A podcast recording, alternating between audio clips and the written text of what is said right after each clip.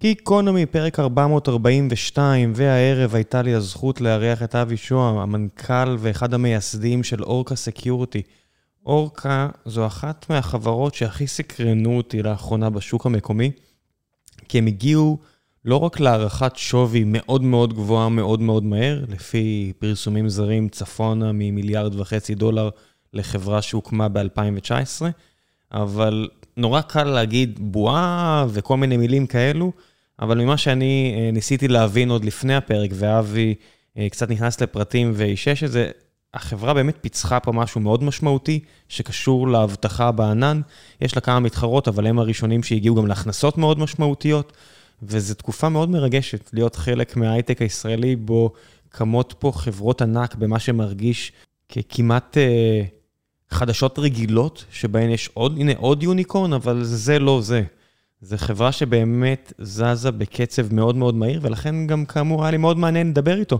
נכנסנו לבחירה שלהם להתחיל את החברה עם שמונה שותפים, והרגע שבו הוא הבין מהר מאוד שהוא צריך אה, לטוס ולנהל אותה מלוס אנג'לס, וההיפר גדילה שלהם, ואיך הם הצליחו להגיע ללקוחות משלמים כל כך מהר. וזהו, אני לא אוסיף לכם יותר מדי, תאזינו, תשמעו, בהחלט אחת מהחברות היותר מעניינות שיש כרגע סביבנו פה בארץ.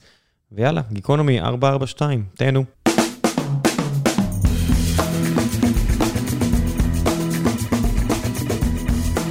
גיקונומי פרק 442, והערב יש לי את הזכות לארח את אבי שועה מאורקה סקיורטי. מה העניינים אבי? מצוין, איזה כיף להיות כאן. נראה לי שאתם אחת משתיים, שלוש חברות שממש הזיידגייסט של התקופה, שמייצגות תקופה. אמרו לך את זה כבר? האמת שלא. אז אה, זה הדיבור עליכם. אתה, אתה שם ב- בלוס אנג'לס, מוקף בכל הידוענים והסלבריקז. אני פה עם כל היזמים וה, והחבר'ה מסביב. אה, אתם ממש אחת מהשתיים, שלוש חברות, שאתה יודע, שרוצים לבטא את ה... אני, אני אגיד לך כמה דברים שחשבתי עליהם לפני הפרק היום, ובמקרה ככה הלכתי למשרד, אמרתי, אה, אני מדבר עם אבי מאורקה, אז הנה כמה דברים שמיוחדים לגביכם, תגיד לי אם זה נשמע הגיוני. יש כמה חברות, בעיקר בסקיורטי, שלא בנו עסקים רובסטיים ומיהרו להימכר, והיו בקורפרטס, או שהגיעו מלכתחילה מקורפרטס, ואז בפעם הבאה שהם הקימו חברה, אתה קולט גם בלי לדעת את הפרטים, שהפעם הם באו להרים חברות. קצת כמו שניר צוק אה, הקים את פאולו אלטו, היה ברור שהוא מנסה להרים חברה רצינית מלמטה למעלה, אז גם אתם אחת מהחברות שאני מסתכל מהצד. דבר שני, קצב גיוס הון שלא היה כמותו בארץ אי פעם. דבר שלישי, הכנסות. בלי להיכנס לכם לכיס, אתה יודע, כי דברים עדיין לא... מהשמועות ברחוב, ששלושת הדברים האלה מייצגים אתכם בתור חלק מגל חדש של סטארט-אפים בארץ. מה אתה אומר על זה? כן, אני לא יודע מה זה גל חדש, אני מסתכל על עצמנו, ובוודאות אנחנו לא עם חברה שהמטרה היא למכור אותה. אה, וכמו שאומרים, action speak louder than words, וכל מה שאנחנו עושים זה לבנות חברה שתהיה המובילה בתחום אבטחת הענן. כולנו היינו בחברות גדולות, לא באנו לכאן כדי לעשות סטארט-אפ, כדי למכור אותו ב-50-100 מיליון, זה לא מה שמעניין אותנו. באנו לבנות חברה משמעותית שפותרת בעיה אמיתית בתחום. ולשמחתנו, השוק רואה את זה ונותן לנו, ומאמין בנו בצורה משמעותית, כי הוא רואה את מה שאנחנו עושים. יש לך... הוא רואה את ההצלחה של מה שקורה. אתה עבדת לא מעט שנים בתפקיד מאוד מאוד בכיר בצ'ק פוינט, חברה שפחות או יותר ייסדה את הענף הזה ש... שאנחנו מדברים עליו, אבל לא השכילה לעשות אף פעם את הקפיצה הזו לענן, גם עם כל מיני רכישות שיעשו, גם אם הם אומרים אחרת, ה mindset לא, לא, לא זז לכיוון הזה, למרות שאני מניח שאתה ורבים אנשים, אה, רבים האנשים שכן הצביעו למקום הזה, עד כמה זה היה מתסכל? אז תראה, אני לא רוצה לדבר כל כך על צ'ק פוינט, אני כבר לא בצ'ק פוינט הרבה שנים, ואפשר, ויש לי המון כבוד והערכה לצ'ק פוינט, אבל אני חושב שאחד הדברים החזקים בסטארט-אפ זה שאפשר להתנתק מהכבלים ומה שאנחנו רגילים אליו מהעולם הישן. אם תחשוב על זה, חברה היא בנויה בדרך כלל על אתוס, על טכנולוגיה, על דברים שהיא רגילה לעשות. ואם אתה בונה חברה שכל הפוקוס שלה, שהתחילה בלהגן על רשתות, התחילה על עולם פיזי, מאוד מאוד קשה לבוא ולהגיד, הפיזיקה השתנתה, העולם השתנה. מה שעשינו בעבר לא מתאים, וזה בעצם האני מאמין שלנו באורקה. זה לא מול צ'ק פוינט או מול פאלוט או מול כל אחד אחר, כל מי שבא בעצם מהעולם הפיזי, בא עם מטען ומשקע, ואפילו עולם מושגים שהוא לא נכון לעולם של ה cloud, אולי הוא עובד בעולם ה cloud, אבל הוא בטוח לא אידיאלי. ומנסה לרבע את המעגל. תחשוב על זה, תמיד יש את הבדיחה שאם אתה אה, הולך למנתח, הוא תמיד ימליץ לך על ניתוח, תלך למי אה, שמטפל ברפואה סינית, ילך, ל, ימליץ לך על רפואה סינית, וזה באמת נכון, כל אחד בעצם יש לו תפיסת עולם וראיית עולם שמתאימה למה שהוא עושה, והוא מנסה להתאים את העולם לתפיסה שלו. אז אם כל מה שעשית כל השנים זה הגנת על מערכות פיזיות, בין אם זה כ endpoint או בין אם זה כ network, אז מה שאתה מנסה לעשות אוטומטית זה לקחת את מה שהיה לך, ולהסביר לעצמך, העולם החדש הוא אותו דבר רק ב cloud. הבעיה היא שזה לא נכון. זה דרך להסתכל על זה, שהיא פשוט מאוד מאוד לא נכונה, זה להסתכל על זה בפריזמה שאתה רואה, והיא לא בעצם מאפשרת לך להגיע לפתרון האידיאלי. והכוח של סטארט-אפ הוא לבוא ולהגיד, וואלה, אנחנו, אין לנו את הכבלים האלה, אין לנו את המשקעים, אין את הדברים שאנחנו צריכים לעשות כי כולם רגילים שאנחנו עושים ככה, אנחנו הולכים בצורה מאוד מאוד בטוחה להגן על העולם החדש בדרך שאידיאלית לעולם החדש. וזה מה שאפשר לאורקה, ההבנה הזאת שזה עולם חדש, שהוא שונה מהותית מהעולם של און פרם, לעשות את מה שאנחנו עושים. מצד שני, יש גם יתרונות, בעיקר בסקיוריטי, או בבנקאות אולי, לכך שמאחוריך יש גוף שהשם שלו הוא household name, אתה מגיע כסטארט-אפיסט ל-CIOים של בנקים, או סיסואים, או לא יודע מה, או, או חברות uh, כמו למונייד ואחרות, ובא להגיד, יש לי את הפתרון uh, שאתם צריכים, כשמהצד השני הם רגילים uh, לרכוש, אתה יודע, מסימנטק, רגילים לרכוש את כל המוצרים של חברות שהן uh, מוכרות, ומצד שני, סטארט-אפ. איך אתה מגשר על הפער הזה? כי עובדתית עשיתם את זה יחסית נורא מהר, אז באמת מעניין אותי מה, מה קרה פה שלא קרה לפני כן, ולזה התכוונתי חלק מהגל החדש. כי הרבה חברות דיברו גבוה, אבל לא עשו את המכירות כל כך. אז מה שאנחנו עשינו כאן, והאמת זו שאלה שממש כיף לי לענות עליה, כי זה בהחלט הייתה בעיה לפני שנתיים. אתה יודע, אתה בא עם, כל, עם הסבר למה הטכנולוגיה שלך היא יותר טובה בשנות דור מהשחקנים בשוק, אבל אתה יודע, עכשיו אנחנו סטארט-אפ שעל פי פרסומים זרים שווה כמעט 2 מיליארד דולר, אה, ויש לנו כבר לוגים של חברות שהן מובילות בעולם, חברות שהן Cloud First, והרבה יותר קל לנו היום. כלומר, היום זה לא שאני בא ואומר, אוקיי, ושואלים מי אתה, זה כבר ממש ממש לא המצב. ולפני שנתיים זה בהחלט היה המצב. ואתה בא ואומר אה, לפני שנתיים למנהל אבטחת מידע של חברה עצומה, אתה צריך לקחת אורקה ולא פאלו אלטו, צ'ק פוינט אחד מאלה, כי. והדרך היחידה לעשות את זה היא להיות מאוד מאוד חצוף ולהראות את המוצר. להסביר בצורה פשוטה מה אתה נותן שהמתחרים הגדולים לא נותנים. אני לא יודע אם ראית בזמנו אחת מהאסטרטגיות שעשינו, זה פשוט סרטי וידאו שאנחנו התקנו סביבה, והתקנו סביבת ענן, שמנו עליה את כל המתחרים. פאלו אלטו, צ'ק פוינט, קואליס, Rapid 7 ואורקה, והראינו ממש סרטון וידאו על הסביבה, מה כל אחד מהדברים האלה עושים. והשתמשנו בעובדות, לא בלוגויים, לא בברנדים, לא בכמה כסף. הנה, סתכל, איך אנחנו מבטיחים לך כיסוי של 100% שעובד, כאשר עם המתחרים אתה במקרה הטוב מגיע ל-40-50%. גם uh, היה כאן סיפור מעניין שחטפנו יום בתביעה כחלק מהתהליך הזה, והחלטנו עדיין להשאיר את זה אונליין. או, או, רגע, רגע. אתה לא יכול לזרוק לי דבר כזה בלי uh, להרחיב טיפה. מה, איך נראה איום כזה בתביעה? יום כזה בתביעה נראה שאני בשיחה עם אחד מהסמנכ"לים שלי בזום, ואז מישהו נכנס במרוצה לחדר ואומר, הגיע שליח עם מכתב איום בתביעה על אורקה שפאלו אלטו מאיימת cease and desist, ושנעיף, נוריד את הפרסום הזה, או שאנחנו תובעים אתכם. והוא, וזה גם בדיוק היה סמנכ"ל כספים שלי, אז הוא כזה אה, ישר, אה, כן, נכנס עכשיו שליח ששלח לי התראה לפני תביעה. ככה זה נראה. חמש דקות קדימה? כן. חמש דקות קדימה, אז מן הסתם אנחנו אה, חושבים שצריך להתייעץ עם עורכי דין, כי בכל זאת איום בתביעה זה נושא שהוא רציני, אבל גם עושים את החושבים המאוד אה, מהותי וערכי לטעמי, האם זה בעצם משהו שאנחנו הולכים להתכופף אליו, לבוא ולהגיד, טוב, אנחנו לא רוצים אה, להיכנס עכשיו לתביעה, אבל חברה קטנה, ואפילו ההוצאות המשפטיות שב, שיכולות להיות כמה מיליוני דולרים בדבר כזה, הן משמעותיות לנו, או שאנחנו הולכים עם האמת שלנו ומחליטים, וואלה, אנחנו מפרסמים את זה, מפרסמים גם את המכתב עצמו, ונותנים לציבור להחליט. אמת דיברתי, אתה אומר. אמת דיברתי, ויותר מאמת דיברתי גם זה עניין של זכות הציבור לשמוע, אה, לשיטתי. כי אה, אם יש משהו שעצבן אותי בסיפור הזה, זה בסדר שיהיה marketing, זה בסדר שאני אבוא ואראה למה המוצר שלי, אני מאמין שיותר טוב, וזה בסדר למה פאלו אלטו תבוא ותעשה סרטון ותראה למה המוצר שלה לטענתה יותר טוב. זה שיח שתורם ללקוחות. שיח שלא תורם ללקוחות זה שאם באים ואומרים, לא, אסור להראות את זה. רק תראה את החומרים האלה. זה משהו שהוא לא הגיוני, זה לא שהתוקפים יגידו, וואלה, יש הסכם ביולה שאומר אסור אה, לפרסם ביקורות על המוצר, אז לא נפרסם. זה מגוחך.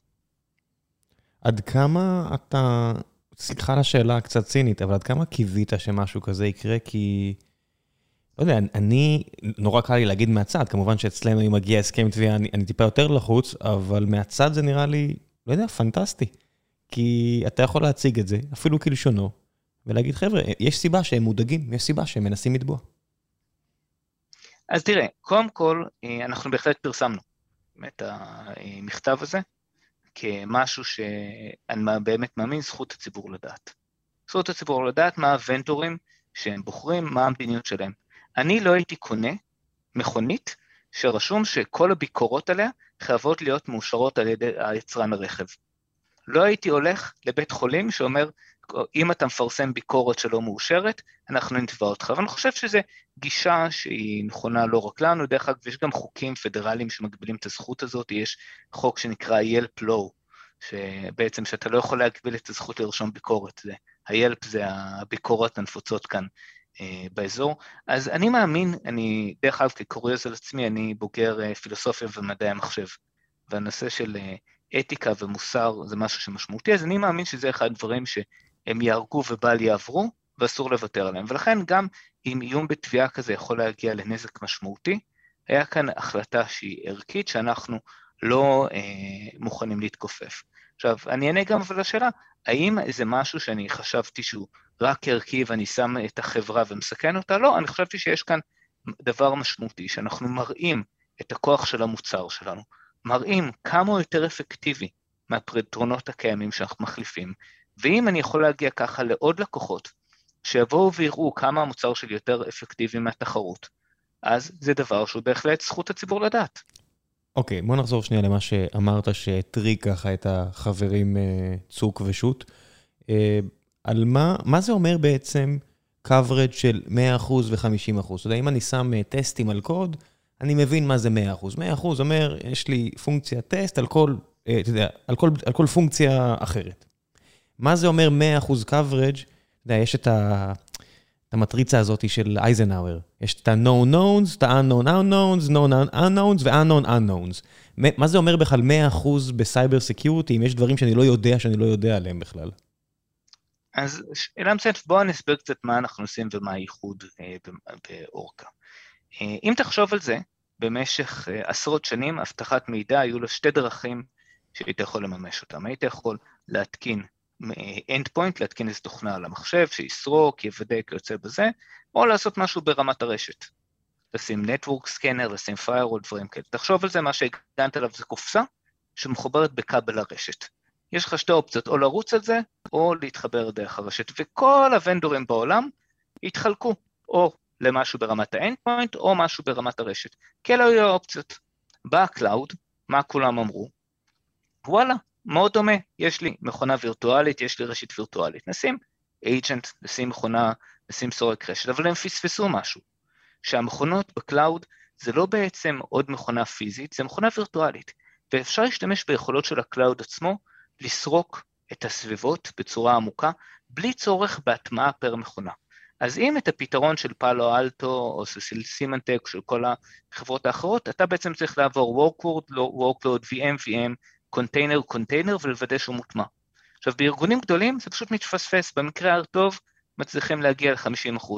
השאר, יוסי לא נמצא במשרד, ה business unit הזה עסוק, פשוט לא מטמיעים את התוכנות. הבנתי. אורקה לא מצליחה את זה. אז ה covered שאתה מתייחס, אוקיי, אז ה covered שאתה מתייחס זה לא 100% הגנה מ... אה, לא יודע מה, אלא 100% מכך שאתה בכלל באמת נוגע, באמת מגן כפי יכולתך על כל הקליינטים באשר הם, ועל ה network עצמו, נקרא לזה. בדיוק, וזה ההבטחה שלנו, כאשר הדבר הזה הדבר הכי קריטי באבטחת מידע. תסתכל על הפריצות הכי גדולות בעולם, זה לא היה שזה תוקף אה, מתוחכם, מצא zero day שאף אחד לא יודע איך להגן עליו. זה היה, pardon my French, fucking מכונה, שאף אחד לא פצ'פץ' אותה עשור, שאף אחד לא יודע מי ה owner שלה, Equifax, זה מה שהיה, כל הפרצות הגדולות מכונה שאף אחד בארגון לא מכיר, לא טיפל בה ולא הגן עליה. כן, אתה יודע, ואז כל... ממנה הגיעו ל... התיבה שלי מפוצצת בהודעות מ HackerOne וכל מיני כאלה, כל מיני חבר'ה, מ... שיסלחו לי, אבל מפקיסטן, הודו וכל מיני כאלה שאומרים, הנה מצאתי את הפרצה שתפיל את הארגון שלך, ואתה יודע מה? אני לא יכול לזלזל באף אחת מהדברים שהם שולחים לי, כי בסופו של דבר, ארגונים באמת אה, נתפסים מ vulnerabilities, לא באמת, כמו שאתה אומר, מ zero day, מבעיה בלינוקס שמותקן על virtual machine וכאלה, כי עם כל הכבוד יש אנשים סופר חכמים שמנסים לסגור את זה כל הזמן, ודי מסובך לפרוץ את זה. הרבה יותר הגיוני שמישהו השאיר איזה, לא יודע מה, מפתח בקוד, או לא סגר את ה-IAM כמו שצריך, השאיר permission אה, פתוח. זה הדברים שיכולים להפיל אותי. מישהו, אתה יודע, חשב שהוא לקח Docker ככה, אבל זה בעצם אחר. בסוף הדברים הקטנים זה מה שמשאיר אותך פתוח ו- ופרוץ. לגמרי, ובארגונים ככל שהם גדלים זה יותר קשה, כי תמיד יש את הדברים שנשכחים מאחור, הפרויקט של לפני שנתיים, מי שהחטיבה של משה לא ענתה, חברה שקניתי ואני בכלל לא מכיר את ה-VP Engineering, וכל הדברים האלה בעצם הם החולשות. והכוח של אורקה זה שבעצם אנחנו נותנים את ה-coverage המלא, אבל לא רק זה, אנחנו עושים את זה כמשהו שבן אדם יכול לעבוד איתו. אני לא בא ונותן לארגון מיליון התראות. אה, שהם לא יכולים, אני יודע לבנות גרף. ולצורך העניין אני יודע לבוא ולהגיד לך, תקשיב, השרת הזה הוא וורנבל, אבל הוא גם חשוף לאינטרנט ויש פה גם מפתח, שהמפתח הזה מאפשר לגנוב את כל המידע שלך. ולכן זה וקטור קריטי. לעומת זאת, יש לך עוד vulnerability קריטי במכונה הזאת, והמכונה הזאת היא EC2 בענן, שנכון שיש vulnerability ב-USB driver, אבל אף אחד לא יבוא וידחוף שם דיסק און קי. אז זה לא מעניין, אנחנו נותנים את ה context הזה. וזה בעצם הכוח של המערכת, שאני גם נותן לך את ה-coverage וגם את ה context, וזה מה שהראינו פשוט בווידאו, עשינו משהו מאוד מאוד פשוט, לקחנו, יצרנו סביבת ענן עם הרבה מאוד בעיות, והתקנו כמו שזה לפי ההתקנה המומלצת את המוצר שלנו ואת המוצרים של המתחרים, והראינו אחד לאחד איך זה נראה אצלנו ואיך זה נראה אצל המתחרים. מה אתה צריך לעשות בשביל coverage מלא באורקה ומה אתה צריך לעשות בשביל coverage מלא במתחרים. תגיד, איך מחשבים בכלל שאתם יוצאים לדרך ומחליטים שאתם קופצים למים האלו ומקימים סטארט-אפ? שמונה אנשים, ועוד נגיע להזיה הזו של שמונה שותפים, אל תדאג, אני, אני בדרך. אבל אה, בסדר, שמונה שותפים מקימים סטארט-אפ, איך מחשבים בכלל total addressable market? אתה יודע, אני, אני כל כך עמוק בתוך הטוסיק של עצמי לפעמים. איך אתה בא ומחשב total addressable market לשוק הזה? זאת אומרת, מי ה... מי ה... תתאר לי את אופי, את הפרסונות של החברות שאורקה בכלל מוצר עבורן. אז אתה יוצא כאן מהנחה שכשאתה מחשב את ה-total addressable market, כשאתה מקים את החברה. אני יכול להגיד, חישוב יותר מדויק שלו, אני חושב עשינו רק לפני שנה, יותר מדויק. בשלב שאתה מקים את החברה, מה שמעניין אותך זה משהו, האם זה גדול מספיק, אוקיי? כלומר, פחות מעניין אותך בשלב הזה אם הוא, כמו שאתה מעריך, שהוא יהיה 50 מיליארד דולר או 5 מיליארד דולר, כי כשאתה סטארט-אפ בהתחלה, צריך לראות שהוא מספיק גדול.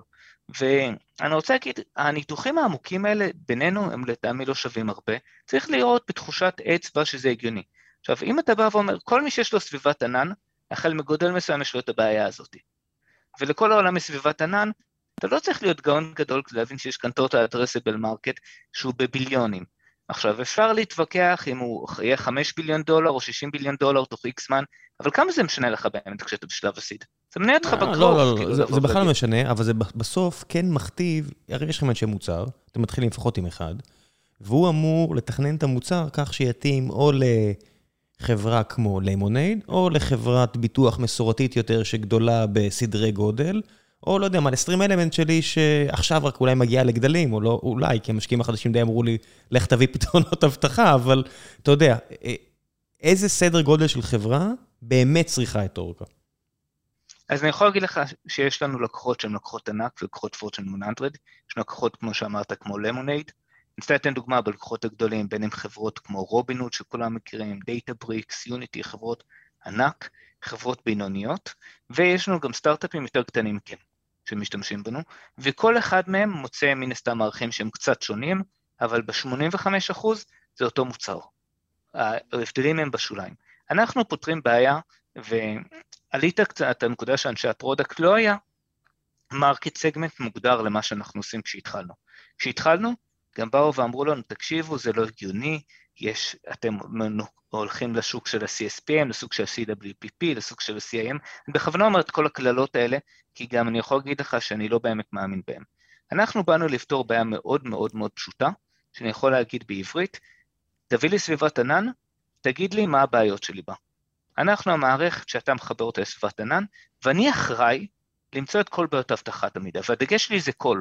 בין אם זה וורנביליטי, בין אם זה IEM, בין אם ששמת את הדאט שלך פתוח, בין אם הקוברנצי שלך בגרסה ש... עם קונפיגורציה של AWS ככה, היא חושפת את המידע שלך, זה האחריות שלנו. ועכשיו, לא הייתה קטגוריה כזאת, אבל זו בעיה אמיתית, שאתה תחשוב על עצמך מנהלת אבטחת מידע, יש לך מאות סביבות ענן, לפעמים יותר, ואתה, מה, תטמיע עכשיו עשרות כלים? שאלתי מנהלי אבטחת מידע שאלה מאוד פשוטה. קיבלת עכשיו סביבת ענן, שאתה לא מכיר, בין אם איזה ארגון עשה אותה בלי שיתוף פעולה, או בין אם קנית חברה. ואתה צריך לדעת מה ה-security risk שלך. מה, מה אתה עושה? התשובה הייתה, אני הולך דופק את הראש בקיר. באמת. אני, אני, אני לא חווה את זה, אני, יש לי עכשיו, יש לנו אחראי אבטחה חדש, והפינג פונג ביני לבינו זה, זה פחות יותר כזה, רק, אתה יודע, יותר ריגורוזי, יותר... שואלים, שואלים אחד את השני המון שאלות, מתחילים למלא לוח ב, בהמון וקטורים פוטנציאליים וסוגרים uh, דבר אחר דבר. אז זה בדיוק הבעיה שאנחנו פותרים. תביא לי סביבת ענן ואני אעשה את העבודה הכי קשה בעולם. אני לא מחפש עבודה קלה, כדי שלך כלקוח תהיה עבודה קלה ותקבל את התשובה בצורה ברורה. למה בעצם, וסליחה על השאלה, השאלה הנאיבית, אבל זה משהו שבאמת מעניין אותי, למה מייקרוסופט, גוגל או אמזון לא מציעות לי את השירות הזה? אז קודם כל, חשוב, אני אענה על זה בשני מובנים. קודם כל, חשוב להבין מה המודל העסקי שלהם ומה מייצר להם את הרבניו. אני אקח כדוגמה, אמזון, מה שמייצר לה את הכסף, זה לקוחות שעוברים לענן. תכלה, זה הגרוף פוטנציאל הכי משמעותי שלהם. אם בערך אנחנו חושבים, כי אנחנו כאן בעולם הסטארט-אפ שכולם בענן, yeah. אבל ההערכה היא שבערך רק 10 15 אחוז מהעולם, ממה שיכול להיות בענן. אז יש להם לגדול פי 10, וכדי לגדול פי 10, אז הם צריכים להראות שהם פתוחים, שהם לא מנסים לחסום תחרות, שהם יכולים להיות מספיק secure בענן ובשאיפה יותר secure בענן מאשר שהיה בעולם ה on-prem. ולתמוך בחברות כמו אורקה, שיש לנו שיתופי פעולה מדהימים עם שלושת החברות האלה, סתם כקוריוס גוגל, CapitalG, שזה הקרן שהיא של גוגל השקיעה, היא הובילה את הסיבוב השקעה האחרון באורקה. אז זה תומך להם בעצם ב business המשמעותי לא, של לא, המעבר. לא, לא הבנת אותי. אני לא שואל למה הן לא מציעות את ה business side שלכם. למה הן לא מציעות את זה כ feature? למה למשל אורקה הוא לא אה, כפתור, כמו שלמשל Redis Labs, אה, הוא חלק מה marketplace של, אה, של GCP. ולמה אה, אורקה, או המתחרים, הם לא יותר integrated בענן? למה זה לא מספיק דחוף לשלושת הענקיות שהענן יהיה יותר secured? אז למה אתה שואל אה, למה לא ולא אם זה ככה? יש לנו אינטגרציות מאוד מאוד טובות. עם AWS אנחנו ב marketplace שלהם, אתה יכול לקנות אותנו בלחיצת כפתור אחת ב marketplace. אנחנו באותו דבר גם טוב, זה היה רמה עם גוגל. כן. אותו דבר גם עם גוגל, בשאיפה בקרוב גם עם מייקרוסופט. יש לנו שיתופי פעולה מדהימים איתם, אנחנו החברה שהגיעה לרמת partnership uh, הכי, שאנחנו נמצאים בה, הכי מהיר בהיסטוריה של אמזון, שהגיעה לרמת partnership שאנחנו נמצאים בה. ככה שבהחלט הם מבינים את הערך של זה ועובדים איתנו מאוד צמוד. היחידה מבין השלוש האלה שבאמת מתחרה בכם זו מייקרוסופט באיזושהי צורה, לא? אני לא יודע אם להגיד שהיא מתחרה בנו, כי היא לא נותנת את מה שיש, אבל יש לה מודל עסקי שהוא, אפשר להגיד שהוא פחות מתאים למה שאנחנו עושים, בדרך שבה היא מוכרת את הענן. עכשיו יש לנו המון לקוחות של מייקרוסופט ויש לנו שיתופי פעולה, אבל אם אני צריך לעמוד עם הגב לקיר מאיפה, אה, מי מבין השלושה הזה שאנחנו פחות מתקדמים, אז כן, זה מספר שלוש. כן, אה, למי שלא מכיר, מייקרוסופט זו היחידה ששמה לא מעט ז'יטונים בסופו של דבר גם על cyber security כעסק עבורה. בניגוד לשתיים האחרות, שלעניות דעתי אפילו אין רעיונות כאלה, לפי מה שאני מכיר לפחות. אמרת נכון. אני לא אומר שאין רעיונות, אתה קצת מקצין, אבל כן, זה כנראה משמעותית יותר. עד כמה זה מעניין אתכם אם יהיה רעיונות? זאת אומרת, איך שאני רואה את זה, בגלל הפחד מהרגולטור, וכמו שאתה אמרת, שהענן עדיין לא מקיף את כל התעשייה ורחוק מכך, לא נראה לי שזה משהו שאמור להטריד אתכם יותר מדי. חסימות מצ... מכאלה ואחרות מצידן. ממש לא מטריד אותנו. כאמור, תחשוב שעסקית מבחינתם אין להם שום היגיון לעשות בזה. זה כמו שתבוא ותגיד, אני, אה, אני אעשה הקבלה לעולם הישן, למרות שזה לא אותו דבר, נגיד שדל ו-HP מוכרות את רוב השרתים, כמה חברת אבטחת מידע צריכה לדאוג מזה שדל ו-HP יחסמו את הממשקים ויחליטו שהיא תוכל למכור רק אבטחת ענן. כן, ברור שאני קצת מקצין, אבל uh, אני לא רואה את זה קורה. בעולם ש Snowflake קיים, אני לא חושב שעוד מישהו, אתה יודע, זה, זה, זה, זה סוג הזהות הגדולות, שיש חברה שיושבת על אמזון ומתחרה באחד השירותים של אמזון, זה It's a brave new world. בוא נחזור טיפה אחורה. אה, איך לכל הרוחות אתה מקים חברה עם שמונה שותפים? שאלה ששואלים המון, אבל אני אשאל שאלה, איך אתה מקים חברה בלי שמונה שותפים? זה נראה לי יותר קשה. אתה מקים חברה עם, לא יודע, עם שלושה שותפים ומעסיק כמה עובדים טובים בהתחלה כדי שירוצו איתך. עובדתית אין עוד, אני לא מכיר עוד חברות מלבד ironSource אולי, שיש לה מספר כזה גבוה של founderים. אה, אז כנראה שאתם עושים משהו, בחרתם בחירה לא, לא טריוויאלית. אז קצת בשביל טריוויה, אז גם מלנוקס עם הרבה אה, שותפים, וגם עליבאבא אה, עם הרבה מאוד שותפים, ושתיהן חברות שהצליחו לא ומצליחות, בדיוק. תראה, הדבר הכי חשוב כשעובדים, נמצאים כמה שותפים, זה שיהיה ברור מה האחריות של כל אחד. אני מאמין גדול בזה שלהקים סטארט-אפ זה משהו קשה, ואתה רוצה כמה שיותר פייר פאוור, ואנשים שאתה, שאיתך כחלק מהצוות הראשוני, ובהתאם גם צריך לשלם incentive חזק לזה. ואני חושב שהיתרונות של צוות גדול עולים בעשרות מונים על פני צוות קטן, וסתם כקוריוז אני חושב שהתחלנו טרנד, אה, מאז, לפח, בחצי שנה האחרונה לפחות היו לי שלוש שיחות, האחרונה בהם הייתה היום בבוקר, של founderים אה, שחושבים לעשות צוות גדול ושואלים אותי איך עשינו את זה. מה היו הקשיים? אתה יודע, אתה לא יכול להגיד ש... של... אני מניח שהיו קשיים, כן? תראה, אני יכול להגיד, בהתחלה אנחנו לקח זמן עד שכל אחד הגדיר בדיוק את מקומו.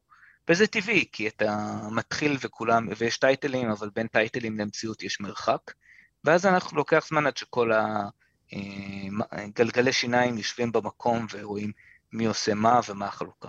ובהתחלה היינו גם קצת יותר נאיבים, אני יכול להגיד, בזה שחשבנו אולי שיותר אנשים יהיו מעורבים ביותר דברים כל הזמן, ומהר מאוד הבנו שהכוח הכי גדול זה מהירות, אי אפשר ש... כמות ההחלטות שצריכות להיות בפורום של כולם, היא תרד משמעותית מאשר מה שדמיינו כנראה בהתחלה. וזה בסדר, זה tuning. אבל מאוד מהר ראינו שאנחנו יכולים לרוץ בקצב שלא צפינו, ואני לא חושב שהייתה אף חברה שרצה בקצב הזה, אה, ולא היינו יכולים לעשות את זה בלי צוות חזק בהתחלה. וגם ריכוז talent מאוד גדול, זה בעצם סוג של מגנט להמשך טאלנט שמאפשר לך לגדול. בצורה משמעותית. בוא נדבר על שנייה על. המהירות הזו, כי זה, כי זה מעניין, זו נקודה מעניינת. כמה מהר הגעתם עד ל-MVP, מוצר שבאמת אפשר להציע לחברה אחרת, אפילו להיות בטא? בערך חצי שנה, שבעה חודשים, משהו כזה. חצי שנה, שבעה חודשים, כמה מהר עד שיש לקוח משלם ראשון? חודשיים אחר כך. חודשיים אחר כך, תשעה חודשים. זה הפתיע אתכם? כי למי שמאזין ולא מכיר, אה, אין לזה אח ורע כל כך. תראה, אה, אני יכול להגיד שבהתחלה פחות חיפשנו, אתה יודע, ההכנסות בהתחלה הן יותר בשביל סיגנל, אבל הדבר הנחמד היה לנו זה שאנחנו כמעט באופן אה, הדרגתי נהפכנו מ-design partners למשלמים, כשפשוט באו ואמרו, טוב, זה מגניב, כמה זה עולה? כאילו, אני באמת יכול להגיד, זה ממש הייתה השיחה, שבאו כאילו, כאילו חברות שסלחו, אז אמרו, וואלה, זה מגניב, זה עובד יותר טוב ממה שיש פה, תן לי הצעת מחיר. אז הלכנו מהר מהר הביתה, עשינו חישוב, נתנו הצעת מחיר. כמה, אתה יודע, אתם, עם כמה שהבאתם ניסיון אה, טכנולוגי, כיזמים, פרופר, זה פעם ראשונה של רובכם, לא? או כולכם?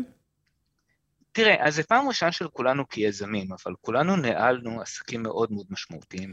בצ'ק פוינט, בין אם זה business line ים שהביאו מאות מיליוני דולרים לחברה, אז ראינו business. נכון, נכון, נכון. שלא אני, היינו... אני, ב... אני יודע שאתם חזקים, וגם עסקית, אבל כשאתה רוצה להקים סטארט-אפ, כמו שאמרת עכשיו, של, עזוב, בהתחלה כסף פחות מעניין אותי, אני רק רוצה סיגנל, אני נוטה להאמין שזה לא דיבור שיש הרבה במסדרונות צ'ק פוינט, וכל מיני קללות אחרות של יזמות, של ROI, וכל מיני דברים כאלה שמעניינים חברות שמחפשות לעשות סבבי השקעה, ולהראות ולידציה, וכל מיני דברים כאלה, זה לא דברים שהתחנכתם על, על ברכי העקרונות האלה עשור לפני כן.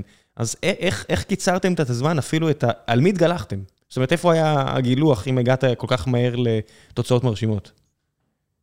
אז תראה, אני אבוא ואגיד לך, בהקשר של אה, מה הפרמטרים שמשקיעים מסתכלים, אני כנראה אף פעם לא הסתכלתי עליהם. אני אומר לך, אפילו לא בדקתי את זה. אני מאמין, ואני גם אגיד סתם כעוד אה, קוריוז, אה, גייסנו כבר איזה שקל שניים, יש שיגידו קצת יותר מזה, וזה מעולם לא היה הפוקוס שלנו. חלק גדול מהדברים אפילו לא הייתה מצגת. הפוקוס היה לעשות מוצר שפותר בעיה אמיתית. זה הפוקוס של החברה, וכשאתה עושה את זה, השאר מסתדר. וזה מה שאנחנו בכל רגע נתון חושבים עליו, איך אנחנו עושים את המוצר שפותר את הבעיה, ואם יש לי טיפ לכל יזם זה, בוא תחשוב איך אתה פותר את הבעיה בסדר גודל יותר טוב מהטכנולוגיה הקיימת. תאמין לי, אם תעשה את זה, יבואו משקיעים, יציעו כסף, יעשו אבלואציה, והם יהיו בסדר עם זה שאתה לא מבין את המונחים שלהם, אתה תקרא בגוגל ותשלים. וזה משהו שאנחנו ידענו לעשות טוב מאוד. עכשיו, בכל מקום, ברור לך שאחרי חצי שנה יש עוד המון המון דברים שהם חורקים, והפרמטר שזה עובד, שוואלה, שהלקוח מוכן להיפרד מהמוצר הקיים שלו ולעבור אליך ולשלם, זה הסיגנל המשמעותי שחיפשנו וראינו אותו, והוא הגיע מהר מאוד. עד כמה בעייתי, וזה באמת תחום שאני פחות uh, מכיר, הרי הרבה מהסיבות לשים אבטחה, יש, יש בעיניי שתי סיבות. סיבה אחת, זה כי אתה מפחד. ופחד זה גורם uh, מדרבן יופי טופי. אתה באמת מפחד שמשהו יקרה. הצד השני זה רגולציה. כי מישהו דורש ממך לעשות אה, בצינגל אמה, ודורש שתראה לו ויש איזה צ'קבוקסים. זאת אומרת, אם יש עוד דברים שאני מפספס פה, בסדר, אבל אני פחות או יותר שם את שני הדברים האלה, שהסיבה הראשונה הטהורה, הסיבה השנייה היא כורח המציאות. עד כמה אתם חושבים על זה מלכתחילה, על לשחק לדרישות הרגולציה? אז דרישות הרגולציה זה משהו שהוא ממש לא היה בהתחלה, הגענו, הוספנו את זה אחרי זה אה, כנדבך נוסף, כי באמת כשאתה עושה דברים, יש, אני אוסיף קצת לסיבות שאתה עושה אבטחת מידע, את הסיבה העיקרית שאולי תחת אני מפחד, אבל יש לך, זה בעצם ניהול סיכונים. אני מפחד לסיכונים, בטח, כן. אני, אני מפחד ליפול בבורות, אני מפחד שהמידע של המשתמשים שלי ייחשף, בוודאי. לגמרי. אז הפוקוס העיקרי שלנו הוא הראשון. עכשיו, אבל יש רגולציה שמכריחה אותך לעשות דברים אה, כדי להוכיח שאתה בעצם מאובטח. ואז אתה צריך, כמעט כל פתרון אבטחת מידע צריך גם לעזור בשני, כי לא הגיוני שאני רק לצורך העניין אבדוק אם נדבקת, ואני לא אענה בדר... על הדרישות של התקן שמצריכות ממך להריץ anti-malware ים. כי אז הלקוח צריך לקנות שניים, והוא לא יכול לקנות שתיים. אז אנחנו בהחלט עוזרים באזור של compliance, אבל החברה לא הוקמה ב-compliance, אנחנו לא אנשי compliance, ההבנה של איך צריך שיהיה compliance הגיעה מהלקוחות שאמרו וואלה אני צריך את זה גם ב-view הזה, אני צריך את זה גם ב-report הזה, ואני יכול להגיד לך שהתעכבנו בזה קצת, אבל מאוד מהר השלמנו את הפער, אין כאן חוכמות, זה לעשות את אותם דברים ולהציג אותם בצורה קצת שונה. בוא נדבר קצת אלגוריתמיקה, וקצת uh, כיוון פרודקטיאלי לחברות סייבר, כי אמרת משהו שהוא לא טריוויאלי. יותר טוב בסדר גודל. כדי להגיע ליותר טוב בסדר גודל, חצי שנה מיום הקמת החברה, משהו פה, אתה יודע, משהו צריך, uh, something has to give, משהו קרה פה. הייתי ממש שמח לשרטט על timeline, את החצי שנה הראשונה הזו, עד שיש לך מוצר שטוב בסדר גודל, כי... עם כמה שהמתחרים שלך יכולים להיות אה, חברות איטיות, בירוקרטיות, כל מיני דברים כאלה, בסוף, אם תוך חצי שנה הגעת לפתרון טוב בסדר גודל, משהו קרה והייתי שמח להתעכב עליו קצת. בשמחה, עכשיו אני כשאני אומר משהו טוב בסדר גודל, אני לא מתכוון, תעשה את מה שהם עושים ותעשה אותו טוב בסדר גודל. את זה אין לך סיכוי. אוקיי, בוא נשים את זה שנייה על השולחן. זה לא שאתה בא ואומר, הם אה, עושים אנטיווירוס, אני עושה אנטיווירוס שעובד באותה טכנולוגיה. כפול עשר. יותר טוב תוך שנה. בדיוק, זה לא עובד. אה, וזה הגישה, אה, ואני דרך אגב מאמין גדול שצריך לעשות את זה יותר טוב בסדר גודל, כי יש כל כך הרבה סיבות לא לעבוד עם סטארט-אפ, שאתה אמרת. אני ארגון גדול, אני רגיל לעבוד עם brand גדול שהוא חברה של עשרות מיליארדים, שנסחרת, מה אני אלך עכשיו לבוס שלי, אעשה, או אגיד לו, לא, אני מעיף אותם, אני לוקח סטארט-אפ. Nobody got fired for buying IBM. לגמרי, לגמרי, זה כבר צריך לשנות את זה. חד משמעית. אבל כן, לא. uh, nobody got fired for buying IBM. אז אתה צריך, אתה לא יכול לבוא ולהגיד, אני אעשה את אותו דבר. הנקודה היא, וזה הדבר הכי משמעותי, אתה צריך להסתכל על הבעיה, ולראות אם יש דרך לפתור את הבעיה בצורה שהיא יותר טובה, שמאפשרת את זה להיות טוב יותר בסדר גודל. מה שאנחנו עשינו, זה בעצם נכנסנו לכל, לנושא של Workload Security בענן, שזה נושא שנפתר עד אורקה רק עם אייג'נטים, ואמרנו, האם אפשר לפתור את זה גם בלי אייג'נטים? וזה היה אנייבלר, כי כולם דרשו את האייג'נטים לשם. עכשיו, אני יכול לספר לך, אני זוכר את זה כאילו זה היה אתמול, אה, זה היה ממש, ישבתי לי באזור אה, נמל תל אביב שם, ביום דצמבר בתל אביב, מזג אוויר נפלא, אתה יודע, מסתכל ועובר חברה-חברה שאומרת שהיא עושה Cloud Security, כולם, 40 חברות באות ואומרות, נעשה דברים נפלאים לאזור control, לאזור ה-workload ים, נתקין agent ים, כאילו שזה היה בשנות ה-90's, נותנים להם שמות יפים, יש תיאור של המנכ"ל ה-legendary שלנו שחשב על איך עושים אבטחת ענן טובה, והוא מגיע למסקנה של מתקינים agent ים, את אותו agent שהתקנו לפני חמש שנים בסביבות כאלה. וצריך בעצם לסנן את הרעש ולחשוב האם יש פתרון יותר טוב מזה. האם באמת הנחת העבודה ש-workload בענן זה אותו דבר כמו workload on-prem, שזה הנחה חבויה שהייתה לכולם, היא נכונה. וברגע שאתה בא ואומר, אני קורע את ההנחות האלה ואני חושב איך אני יכול לעשות את זה הרבה יותר טוב, זה פותח לגישה שונה. עכשיו, והיפה הוא שבגישה שונה, בתכולה, כולם נלחמים איתה, אוקיי? זה, זה, אפילו אם חברות רואות את זה, בחצי שנה הראשונה, אז תחשוב על זה, נגיד, מנקודת מבט של חברה גדולה, אז בסדר, הפסידו שני לקוחות, הפסידו חמש לקוחות, הפסידו עשרים לקוחות. הם עדיין, עד, שהם, עד שהם מבינים שזה משהו רציני, הרי אתה עסוק בלתרץ לעצמך למה זה לא יתפוס, ואז אחרי שאתה כבר הסתכלת על זה, עברה חצי שנה עד שאתה חושב לעשות משהו, ואז כבר שנה וחצי אנחנו כבר בכזה פור שאין להם שום סיכוי להגיע. אז זה, לכן זה תמיד יש את החשש הזה של סטארט-אפים, מה אני אעשה משהו וחברה גדולה תוך חצי שנה הולכת להעתיק את זה, היא לא תראה את זה תוך חצי שנה, תוך חצי שנה אולי יהיה לך את הכמה לקוחות המתלהבים הראשונים, עד שהם ייכנסו את הדיון תעבור שנה וחצי. לא, לא הייתי מפחד מהחברות הגדולות. הרבה יותר מפחיד אותי ארבעה חבר'ה שעבדו ביחד בתאגיד כזה ויצאו, או שני חבר'ה שעבדו בחברה כזו, או מיקי בודאי, אם בא לעשות אקזיט מספר 9, לא יודע מה. זאת אומרת, הרבה יותר מפחיד אותי כשאתה עולה על משהו, אני לפחות חושב על עצמי, שמבחוץ נראה שה-moat היה יחסית קטן. שוב, אם אני לא יוצא מנקודת הנחה שתוך חצי שנה, חבר'ה חכמים, פשוט אני, אני מכיר הרבה חבר'ה חכמים, אבל אם תוך חצי שנה הגעתם למצב שיש לכם פתרון כל כך טוב שלקוחות משלמים עליו, זה מרגיש כאילו זה כמעט היה hanging fruit, וזה לא נתפס בעיניי שזה יכול להיות hanging fruit. אז קודם כל אני רוצה להגיד, אה, יש משהו שהוא יחסית, שאתה יכול להגיד שהוא הנגינג פרוט ברמת הרעיון, הביצוע, ואם אנחנו חוזרים לאזור של שמונה יזמים, זה הכוח של קבוצה שיכולה לעשות בחצי שנה, מה שלצוותים אחרים ייקח שנים, וזה כוח שאי אפשר לזלזל בו. אה, אבל אני רוצה להגיד עוד דבר, כיזם, אה, נורא יש לפעמים את הפחד של יבואו אחרים וניסו לעשות גם אותו דבר. אני אגיד לך שבינינו הפח צריך להיות הפוך. אם עברה שנה, ואף אחד לא עושה את לא זה. ניסה לעשות את מה שאתה עושה, אתה עושה משהו לא נכון. אתה לבד במדבר. באמת שלא. זה לא שזה, זה כנראה שאתה מאוהב ברעיון שלך, ולא שכנעת אף אחד, ועוד בשוק כזה, שזה רעיון טוב, וואלה, אולי יש רעיון טוב. אז יכול להיות ששנה בסדר, אם שנה וחצי אף אחד לא מנסה לעשות אותו דבר, אז תסתכל טוב במראה. אז אני באמת לא חושב שצריך לפחד מזה. מה שכן, אתה תמיד צריך להיות במקום שבו אתה לא עוצר על שמרים, על אה, שמרים, ותמיד אתה ממשיך לחדש, ומבין את הדבר הזה והטכנולוגיה החדשנית הזאת, איך אתה בעצם מגדיל אותה, מייצר עוד ערך בה, ושומר על הפער התחרותי. כי יש תחרות. כמו שאמרת, אתם, אנחנו לא החברים, האנשים החכמים היחידים, אנחנו בהחלט האנשים החזקים בעולם הזה, אבל יש עוד אנשים עם כסף שגם הם יכולים לעשות דברים, וצריך לדעת איך שומרים על היתרון תחרותי. בוא נדבר קצת על אלגוריתמיקה, אה, מה שאתה יכול לספר עליו לפחות. אה, איך מתחילים? זה מתחיל מה? מרעיון שאחד החבר'ה אה, מתחיל לגלגל בראש ואוסף את השבעה האחרים?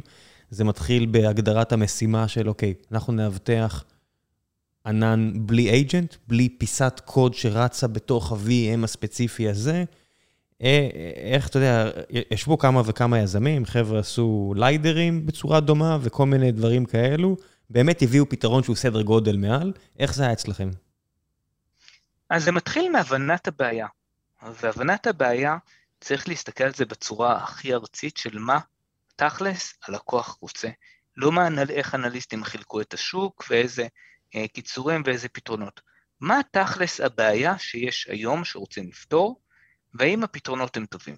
והבעיה, כמו שאנחנו הגדרנו אותה בצורה הכי הכי פשוטה, יש לי סביבת ענן, אני רוצה לדעת מה יגרום לזה שהחברה שלי תופיע מחר אה, בעמוד הראשון שפרצו וגנבו לי את כל המידע. זו הבעיה, ברמה הכי הכי בסיסית של זה. ואתה רוצה משהו שפותר את זה בצורה שעובדת.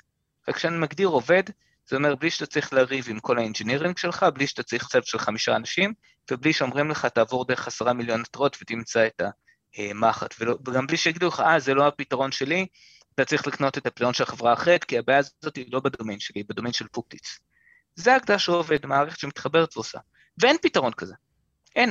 לא, לא, אין. אני, אין. אני הייתי בבנק שנתיים, ואלוהים יודע כמה פגישות ארורות הייתי, שעוד מישהו בא לתאר איזה בעיה שלא חשבתי בכלל שקיימת, והיא רק מתלבשת על עוד ועוד ועוד stack בלתי נגמר של חברות סייבר סקיורטי שמנסות לשכנע אותי שבכלל יש לי בעיה שאני לא יודע עליה. אז זה בדיוק הנקודה, שאנחנו, אחד הדברים שאני באמת אה, אוהב להגיד כאן, ואני יודע שהפודקאסט פונה להרבה יזמים, זה לא לפחד לחלום בגדול, אתה אף פעם לא תגיע יותר ממה שקיווית, יותר מהחזון. אז תעשה חזון משמעותי, אז אולי תגיע אליו, אבל אם החזון הוא לא משמעותי, אתה בטוח לא תגיע ליותר ממה שתכננת. ואנחנו באנו עם חזון שאף אחד לא ניסה לפתור, גם התעשייה תיארה את זה ככמה פתרונות, אבל אם מסתכלים על זה ב-zoom out, היא תיארה את זה ככמה פתרונות, בגלל איך שההיסטוריה הסתדרה. בגלל שבאנו מעולם ה-on-prem ועברנו ל-cloud ולקחנו את מה שהיינו יכולים מה-on-prem כי זה היה כבר מוכן. וצריך להסתכל, ואחד הדברים היפים כשאתה, עוזר, כשאתה מתחיל חברה, יש לך את הפנאי הזה, לבוא ולהסתכל ביחד על השוק בצורה הכי הכי פשטנית. מה הבעיה? והאם הפתרון מספיק טוב? הפתרון שהשוק נותן, ושוק מייצר דברים מוזרים לפעמים, ואם אני יכול לעשות משהו שהוא יותר טוב בסדר גודל. אם אתה יודע לענות על זה ואתה מאמין שאתה יכול לבצע, הכל השאר יסתדר. לצד מה זה הולך? זאת אומרת, בסוף אה, יושב אה, CTO של חברה אחרת ואומר, אה, אוקיי, עכשיו יש לי אורקה. מה זה לא דואג לי? זאת אומרת, כל דבר, יש לכם מחשבות על להרחיב את זה הלאה? הרי אם אתה כבר בא להוריד לי כל כך הרבה ונדורים מהאקסל שלי, של, של ההוצאות, איפה זה נעצר? זאת אומרת, הרי בסופו של דבר נגיד על, על מכשירי קצה של כל העובדים אתם לא מנסים להגן, כי זה לא זה, לא זה ועל הקליינטים עצמם, אני מניח שאתם לא נכנסים למחוזות הסנטינל. אה, איפה, איפה אתם שמים את הקו? הרי אם אתה חושב בגדול, איך אתה לא חושב בגדול מדי? אז אנחנו החלטנו לחשוב, צריך לחשוב כשחושבים בגדול, זה איפה היתרון התחרותי שלך נמצא, אוקיי? אני אתן, אה, אם אתה בא ואומר, הטכנולוגיה שלי לקלאוד, אז כנראה שאני לא אתחרה באבטחה למכוניות, אוקיי? כי הטכנולוגיה שלי לא מועילה למכוניות, ה-IP שלי לא עוזר למכוניות, אנשי מכירות, ה-go to market, התהליכים שלי לא עובדים על מכוניות. אבל אם אני בא ואומר, הבעיה שלי, אני הולך לפתור את ה-Cloud Security וכל דבר ב-Cloud Security אני הולך לתת. בין אם זה ה-Kubernetes שלך ובין אם זה ה-Windows SQL Server שהתקנת על EC2 וקינפגת אותו ידנית. ואני רוצה את זה, זה חזון גדול שאנחנו גם, יש לנו, זה לא רק חזון שהוא באוויר, אנחנו יודעים איך להגיע אליו, צריך הרבה עבודה, אבל ברור לי איך אני מגיע אליו, ולמה יש לי יתרון שכל השקעה שלי שם תיתן ערך שהוא יותר מאשר מישהו שעושה את זה באופן עצמאי. כי הכוח שלנו זה שכל פיצ'ר אוטומטית מגיע לכולם, בלי עוד עבודה, אין לך השקעה מצד הלקוח. וזה הסיבה להצלחה הכל כך גדולה הזאת, כי אתה מייצר כאן ערך שהוא אה, במכפיל כוח אדיר, כי זה לא כמו שאמרת, אתה בא ואז טוב, תתקין משהו ל-SQL Server, עכשיו תתקין משהו על ה-IAM, תתקין משהו על ה... whatever it is, אתה יודע. נכון, אבל זה כבר לא, כי אתה מטמיע פעם אחת אורקה בדקה, וזה באמת בדקה, זה שלוש קליקים, נותן לך את הכל, על הכל, ב-cloud שלך. וזה נשמע ש... כאילו... אני, אני שומע את זה כבר לא מעט שנים מכל מיני אנשים. כאילו, זה נשמע מהצד ש, שבאמת פיצחתם, ואני מודה שבשלב מסוים אני קצת מחייב את עצמי בתור, בתור מה שאני עושה לבוא ולקבוע איתכם שיחה, כי בשלב מסוים משהו יקרה ואני לא אעשה את זה, כנראה שאני קצת אסתבך, אבל אני שמעתי את זה מעמי ומהחבר'ה של עד הלום לפני, לא יודע מה, כמה שנים, ומחבר'ה אחרים גם. מה כולם פספסו לאורך כל השנים האלה, שאתם כן הצלחתם לעשות? זה התבגרות של השוק? הרי אם אני חושב על איפה אני הייתי 2018, התחלנו לעבוד עם Kubernetes, זה עדיין לא היה כל כך אה, מובן כמו היום. בדיוק ה orchestration wars הסתיימו, ו Kubernetes היה המנצח הבולט. אתה יודע, אנחנו עדיין אפילו שיחקנו עם Rancher ועם כל מיני אורקסטרטורים אחרים. אתם הייתם צריכים להמר על, על מנצחים? זאת אומרת, הייתם באמת צריכים לחכות שהשוק יתבגר קצת, או שזה לא, לא, לא, לא רלוונטי בכלל לפתרון שלכם? זה לא, לא, לא זה החלק הרלוונטי, החלק המשמעותי, ההבנה המשמעותית שהוא הבסיס, שאפשר לנו בעצם, ומדגיש אפשר כי אה, היה הרבה עבודה מעל זה, לעשות את מה שאנחנו עושים זה הבנה שבעצם צריך לאבטח את הענן בצורה הוליסטית, ולא כי יש הבטחה של ענן ויש הבטחה של workloadים בתוך הענן שזה בעיה של פופטיץ', אוקיי? כל החברות שהיו לפני אורקה, מה שהם באו ואמרו, יש לי את בעיית הקונפיגורציה של הענן. יש לי פתרונות שאני יכול לבוא ולהגיד, אני מאבטחים לי קנפיגו, את הקונפיגורציה של הענן עצמו. יש פתרונות שמאבטחים את ה Kubernetes עצמו. כן, תנתח את היאמלים האלה, מה זה כל היאמלים האלה? בטוח מישהו טעה איפשהו. בדיוק, ויש עוד פתרונות שמאבטחים את הקוברנטיסים ואת המערכות הפעולה, וכל אחד מהם זה פתרון אחד, שעובד בצורה אחרת. ואנחנו באנו ואמרנו, לא, זה לא, בעיה, זה לא חמש בעיות, זה בעיה אחת. ויש טכנולוגיה שאנחנו יכולים, בעזרת הטכנולוגיה של ה SideScanning שלנו, אנחנו יכולים להגיע להכל, יש לנו לא רק רצון להתייחס לזה כבעיה אחת, יש לנו גם מקור מידע, שמאפשר לנו נגישות לכל המידע שצריך כדי לפתור את הבעיה הזאת, ואנחנו יכולים לאפשר להסתכל על זה בצורה כזאת, וזה בעצם הכוח של אורקה. יש סיבה לזה שאנחנו הצלחנו כל כך מהר, כי באמת אנחנו פותרים בעיה עצומה, שרוב הארגונים מסתכלים עליה כעשר בעיות, אבל היתרון של להסתכל עליה כבעיה אחת, נותן ערך עסקי אדיר בחיסכון, וב-coverage. וזה הכוח הגדול של מה שאנחנו עושים, והשמיים הם הגבול. כמה מהר הבנת שאתה צריך באמת לעלות לשמיים ולנחות בצד השני של האוקיינוס? או שזה היה ברור לך מ-day one? זה היה ברור מ-day one שנצטרך לעשות את זה בתוך חצי שנה עד שנה וקצת. איך החלוקה מתוך השמונה? אה, אז אנחנו, אה, אני וגיל בעצם השותפים המנהלים, אני מנהל אני המנכ"ל, גיל מוביל את ה product. שאר שותפים הם האנשים שגורמים לדברים שאני אה, מדבר עליהם לקרות. כל מה שאתה מוכר, וזה... הם צריכים לבנות. כן, זה קצת מצחיק, הם תמיד צחקו עליי שאני הייתי, אני טכנולוג בהכשרתי, שאם היו אומרים לי לפני עשר שנים שביום שנשיק מוצר אני אתעסק עם ה marketing וזה שיהיה אתר ולא אכתוב שורה במוצר, הייתי כנראה קופץ ממקום גבוה, אבל החיים הם יותר אה, אה, רחוקים מכל דמיון. אז מזל שהגעת ללוס אנג'לס, אין הרבה מקומות גבוהים. זה עוד היה בארץ. מה פשר הבחירה בלוס אנג'לס? אה, אז לא הרבה אומרים את זה, אבל בדרך כלל מה שגורם ליזמים לבחור את העיר באיפה הם בארצות הברית, זה המשפחה. זה גם אה, מה שאצלי. ידעתי שאנחנו עוברים, והעדפתי את קליפורניה. אשתי רופאה, חיפשה מקום, חיפשה איפה נוח לה, מצאה הזדמנות מצוינת. אה, בלוס אנג'לס. אני בדקתי שיש לי שדה תעופה גדול קרוב, שאני יכול להגיע לכל מקום בטיסת ישירה, וזה אחד מהכוחות של LAX, אין מקום בעולם שלא מצאתי טיסה ישירה אליו, וככה בחרנו. ובאיזה, מתי נחתת ב-LA? יש, לפני שנתיים. תן לי תאריך. אוגוסט. אה, אוגוסט 19? אוגוסט לפני שנה, כן. אוקיי, אוגוסט 19, חצי שנה עוברת, פלוס מינוס, אולי שבעה חודשים. ומרץ, ואפריל 2020, והעיר המשוגעת הזו, שהיא בעצם אוסף של איזה 20 ערים אחרות, נעלמת. כולם נשארים בבית, אין יותר Uber, כל הסלבריטאים עולים להרים ולא יורדים. איפה זה פוגש את אורקה? כי כמעט כל יזם שאני מכיר, מרץ 2000, מקבל טלפון מהמשקיעים, שאומרים, כמה אתה מוציא עכשיו? תוריד לפחות 30 אחוז, נראה לי שהעולם בדרך לקץ. איפה, איפה זה פוגש אתכם? אז תראה, אה, קודם כל, אה, הדבר המצחיק ברמה האישית זה שעד מרץ 2020 אה, לא ראיתי את לוס אנג'לס. אני עשיתי מהזמן, מאוגוסט עד מרץ משהו כמו 90 טיסות, אז מה? אני לא חושב. מה כן. אמרת עכשיו? עשיתי בערך 90 טיסות בין אוגוסט 19 למרץ 2020. אז להגיד שהייתי בלוס אנג'לס באותה תקופה, אז הייתי במקומות אחרים יותר מבלוס אנג'לס. זאת אומרת, היית יותר באטלנטה וניו יורק ומכרת לכל מיני תאגידים דברים. אטלנטה, ניו יורק, סן פרנסיסקו, פרנקפורט, לונדון, תל אביב, אה, הרבה מקומות. אז אה, רק אחרי זה התחלתי לראות את... למה? אה, חכה, אני, אני נחזור תכף לקורונה, אבל למה? למה צריך לעשות שיחות מכירה בדרך שאתה מתאר? למה צריך לעלות על מטוס 90 פעמים? מצטער על השאלה הנאיבית, אבל למה?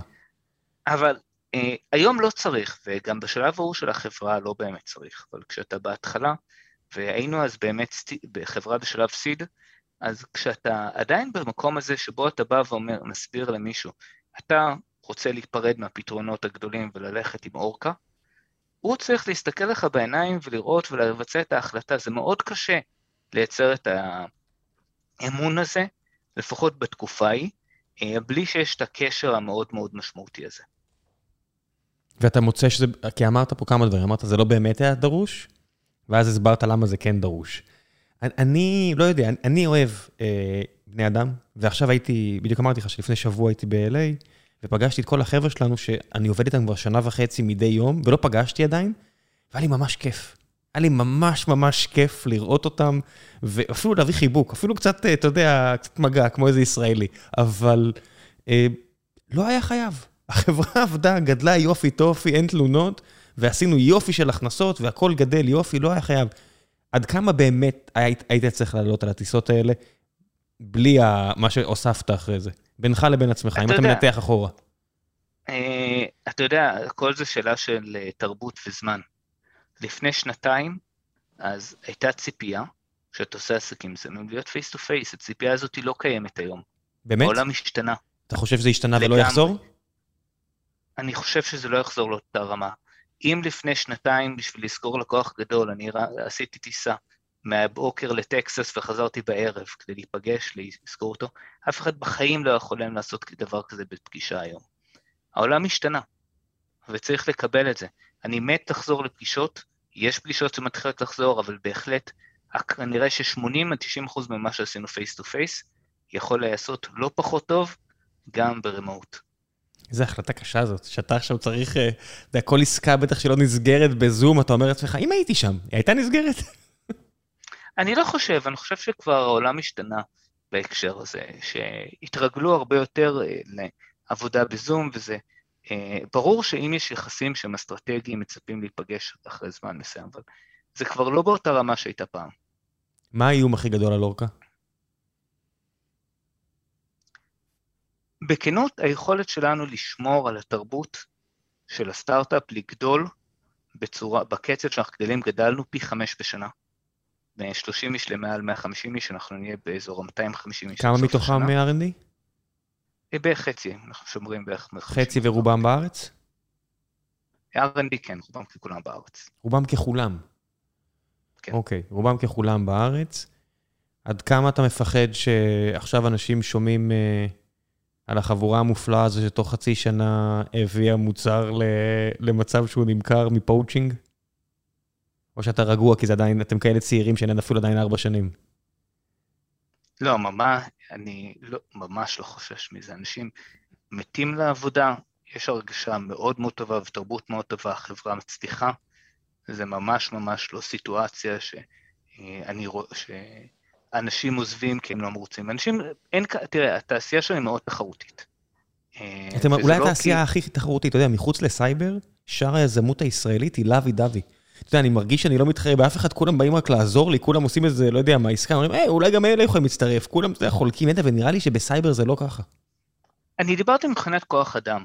אתה יודע, אני מניח שגם לכם להשיג כוח אדם זה, על כל מועמד טוב יש, אה, יש, יש לו כמה משרות שהוא יכול... כן, וגם מנסים לשתות לנו את החבר'ה, זה, זה ברור, נכון. אבל זה מרגיש לי כאילו אצלכם זה עוד רמה למעלה. זאת אומרת, אני רואה את זה אפילו בטבלאות השכר, ומכל סקר שאנחנו עושים, שאצלכם המצב עוד יותר קשה. אז תראה, יש, המצב מן הסתם, יש, לאנשים טובים יש המון המון אפשרויות, כי יש הרבה חברות סייבר, ואנשים בוחרים גם לפי תנאים, וגם לפי מקום שהוא בחזית הטכנולוגיה, והם יודעים שהם עושים משהו ש- wasn't done before. זה הדבר, אחד הדברים המשמעותיים לשם, כדי שאנשים יהיו. הם צריכים להרגיש שמה שהם בונים משמעותי, שיהיה להם כיף. אבל כיף זה לא רק שתהיה מסיבה עם האוכל הכי מגניב והשתייה הכי מגניבה, ויש את כל זה, אבל אלא גם שהכי מגניב זה שהם מתפתחים ובונים דברים שאף אחד אחר לא בנה, ובתרבות שהיא כיפית, שכיף לעבוד, שעובדים, שזה זה מייצר משהו שהוא מאוד מאוד סאבטל כזה, אבל הוא סופר קריטי כדי שהחברה תצליח, וזה לא, אם יש לך אותו, אז אף אחד לא יעזוב. ואם אין לך אותו, אז אתה נכנס לאזורים הביתיים.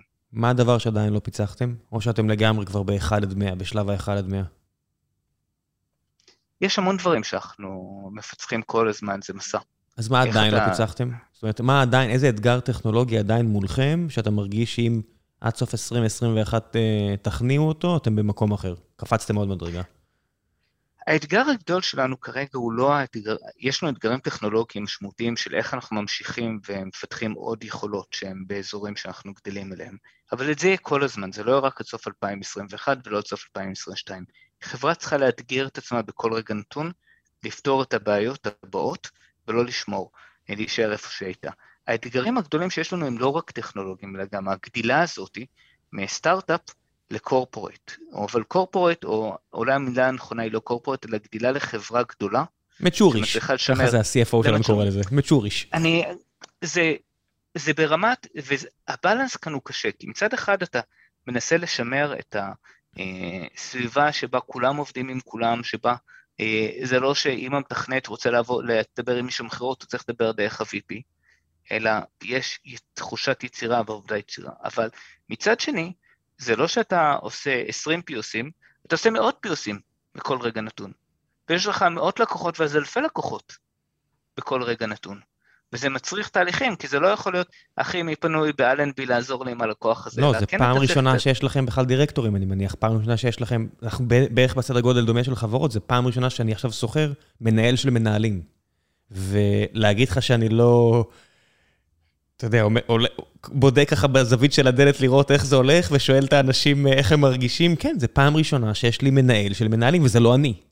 אה, זה, כן, it is what it is, אתה יודע, זה היה צריך להגיע, אבל אתם בדיוק בשלב הזה גם כן.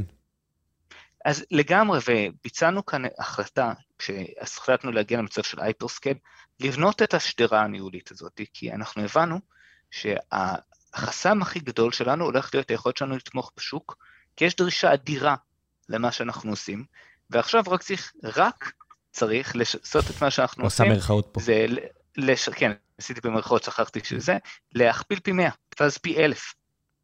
אבל כדי לעשות את מה שאתה עושה פי 100 ופי אלף, זה תהליכים שונים, ואתה רוצה לשמר את התרבות תוך כדי, וזה האתגר הגדול. יש לכם uh, אתגר של scale? זאת אומרת, נגיד, ציינו Kubernetes. Kubernetes עובד כמו קסם. המכונה הזו שפעם הייתה Borg בגוגל, היא מדהימה, עד גודל מסוים, נגיד איזשהו מספר קסם כזה של עשרת אלפים, שבו דברים כבר לא, לא שורקים. אפילו גוגל בעצמה אומרת, החל מגודל מסוים, שתדעו, זה לא אותו דבר. ב scale, ב-n שואף לאינסוף של, אה, של pods, של קונטיינרים, לא משנה של מה אתם רוצים, כבר דברים מתחילים לא, לא לעבוד באותה צורה, אנחנו פנימה יודעים את זה. האם זה נכון גם לגביכם? זאת אומרת, האם היום... אתם מקבלים טלפון מנטפליקס, שאני מניח שיש להם את... אה, שזה החברה הכי גדולה שהיא לא vendor בעצמם של ענן, ואומרים, תגיד, אורקה יכול לעזור לנו? האם אתם באמת יכולים לכסות משהו כמו נטפליקס? אז הדבר היפה בזה, זה בעיות שהיו לנו, לשמחתי אנחנו כבר בסוף שלהם. אה, כמו שאתה יודע, הרי בשפת ענן, הענן עצמו הוא די אה, לא מוגבל, אבל יש לך כל מיני מגבלות ברמת האקאונטים. כמה workloadים אתה יכול להריץ ב account. Mm-hmm. היפה הוא שכבר הגענו לסביבות הכי גדולות בעולם, שהם 99% מהמקסימום שאפשר, ואנחנו סורקים אותם.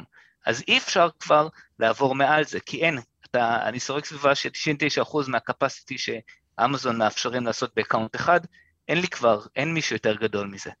יכולים להיות כאלה שיש להם הרבה חשבונות, אבל זה כבר בסיטואציות אחרות. אז אנחנו מתמודדים, כמובן שיש דרישות אה, ארגוניות שבאות ככל שאתה עובד עם לקוחות יותר ויותר גדולים. אבל אין כאן איזה חסם טכנולוגי שאנחנו אומרים, וואלה, אנחנו לא יכולים לעבוד עם הסוג הזה של הלקוחות. ממש לא, יש לנו את החברות עם הסביבות ענן הכי גדולות ומורכבות בעולם. multi cloud מהווה בעיה מיוחדת, או היווה בעיה מיוחדת, או שמבחינתכם, זה משנה. אז יש לי אחד פה ויש לי אחד שם, ה port שביניהם זה עוד port החוצה. זה מסבך את ה engineering, אבל זה גם הזדמנות בעיקר בשבילנו, כי עבור הלקוח, ה multi cloud הוא קח את הבעיה ותשים אותה בחזקת שלוש. אני יודע. שהחבר'ה שלי פעם שנה אמרו לי, אנחנו עוברים מ-AWS ל-GCP, הנה התוכנית, אמרתי, אוקיי, זה הולך להיות מעניין, בוא נשאל שאלות קצת. כן.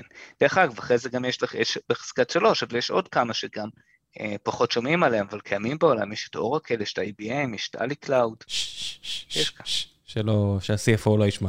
אה, אה, יש, יש דברים שאני אומר, אומר לעצמי, אם יגיע אימייל מהחבר'ה האלה עם הצעה מפתה, אני אצטרך למחוק את האימייל הזה.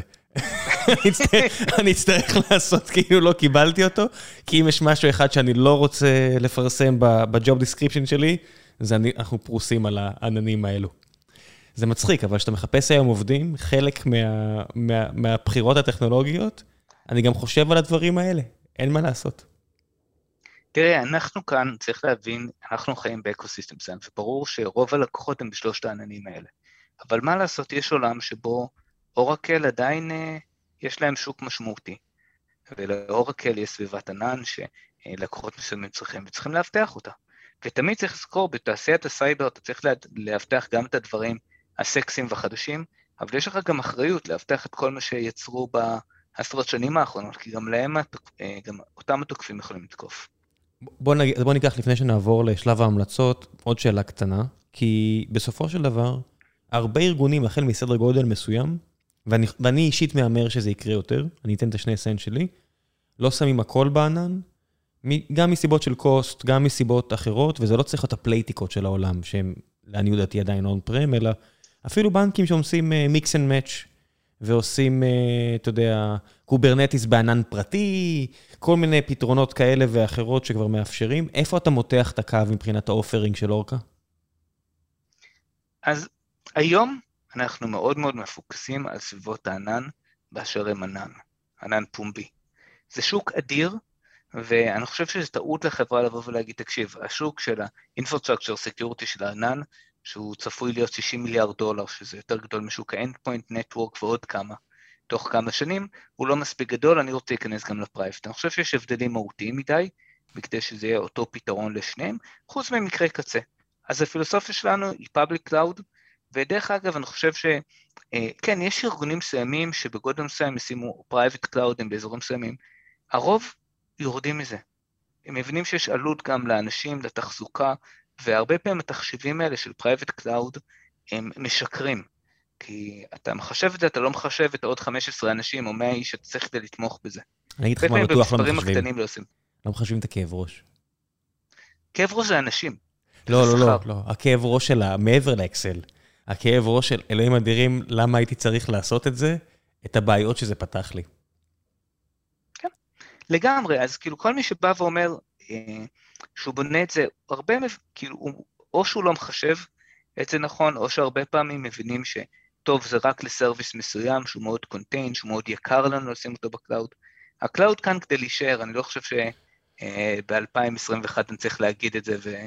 שמישהו לא, לא אתה לא צריך להגיד שזה לא גדל, ומן הסתם הטרנד מאוד מאוד ברור, אבל אתה רואה יותר ויותר כבר פתרונות שמציעים לך פתרונות מטאל על קולו כאלה ואחרים, זאת אומרת, על כל לוקיישנים, פתרונות מטאל שהם uh, או, או אפילו uh, עבורך, מתוך ההבנה שהעולם גדול, אבל זה באמת הולך ונהיה פרינג', שאני אפילו מנסה לחשוב, מי הן החברות שעושות את זה, וכשאני נתקל בחברות שעושות את זה, אני מתחיל לשאול הרבה שאלות, כי זה פשוט יוצר הרבה בעיות שכבר שכחתי שקיימות. אני מודה, שזה, אתה יודע, אתה מקבל, אני מקבל כל כך הרבה מ-GCP ו-AWS, שזה קצת מובן מאליו בעיניי, כבר בעיניי. כבר לא זוכר מה עושים באיזושהי סיטואציה, אבל זה כן קורה, אבל אתה פשוט אומר, אני מניח שאתה אומר שהשוק שלך פשוט מספיק גדול. כן? מעולם לא שמתי לעצמי יד להיות חברת אבטחת המידע היחידה בעולם. אנחנו רוצים להיות החברה הגדולה בעולם שמאבטחת את שוק הענן, שהוא השוק הכי משמעותי. כמו שיש מי שמאבטח מיין פרמים, יהיה מי שמאבטח גם סביבות און פרם. בעתיד, לא בטוח שזה, מי, שזה אני. מתי מנפיקים? לא הפוקוס שלנו כרגע, יש לנו מספיק כסף בבנק, אה, כדי שנושא מימון לא יהיו הדברים אה, שאנחנו חושבים עליהם כרגע. מותר לי לשאול שאלה על uh, סיבות לעשות דבר כזה? זאת אומרת, בעידן שמתפתח היום, וזה משהו מאוד חדש, וזה עוד משהו שחשבתי עליו שאתם מיוחדים בו, כשיש אפשרות לעשות אה, עסקאות secondary משמעותיות, ואני מקבל את הטלפונים האלה וכולם משכנעים אותי למה לעשות את זה ולא את זה, והיה SPAC-ים, והנה secondary, והנה אולי IPO ולא IPO, שזה כבר לא עניין של מכירה לא מכירה. זאת אומרת, יש כבר היום כל כך הרבה פתרונות לאיך לגדל חברה לגדלים מאוד משמעותיים בלי IPO. עד כמה זה מעסיק אותך? בהתחשב בזה שאנחנו רואים חברות כמו Stripe שמגיעות ל... לא לשבע ספרות, לא לתשע ספרות, כבר לא יודע לכמה, כבר ל... מה, 100 מיליארד דולר אה, חברה פרטית? זאת אומרת, כבר בבירור אפשר להגיע, להיות לא רק גדולים בוולואציה, אלא מש... משמעותיים כמו Stripe, שהם באמת חברה מאוד משמעותית בעולם, בלי הנפקה. איפה זה מתחיל להיכנס לשיקולים שלך? אז כמו שאתה אומר, באמת יש, השוק היום מאוד מאוד מאפשר חברות פרטיות גדולות, ויש משקיעים שיודעים לבוא ולעבוד עם חברות במספרים הרבה הרבה יותר גדולים ממה שבעבר.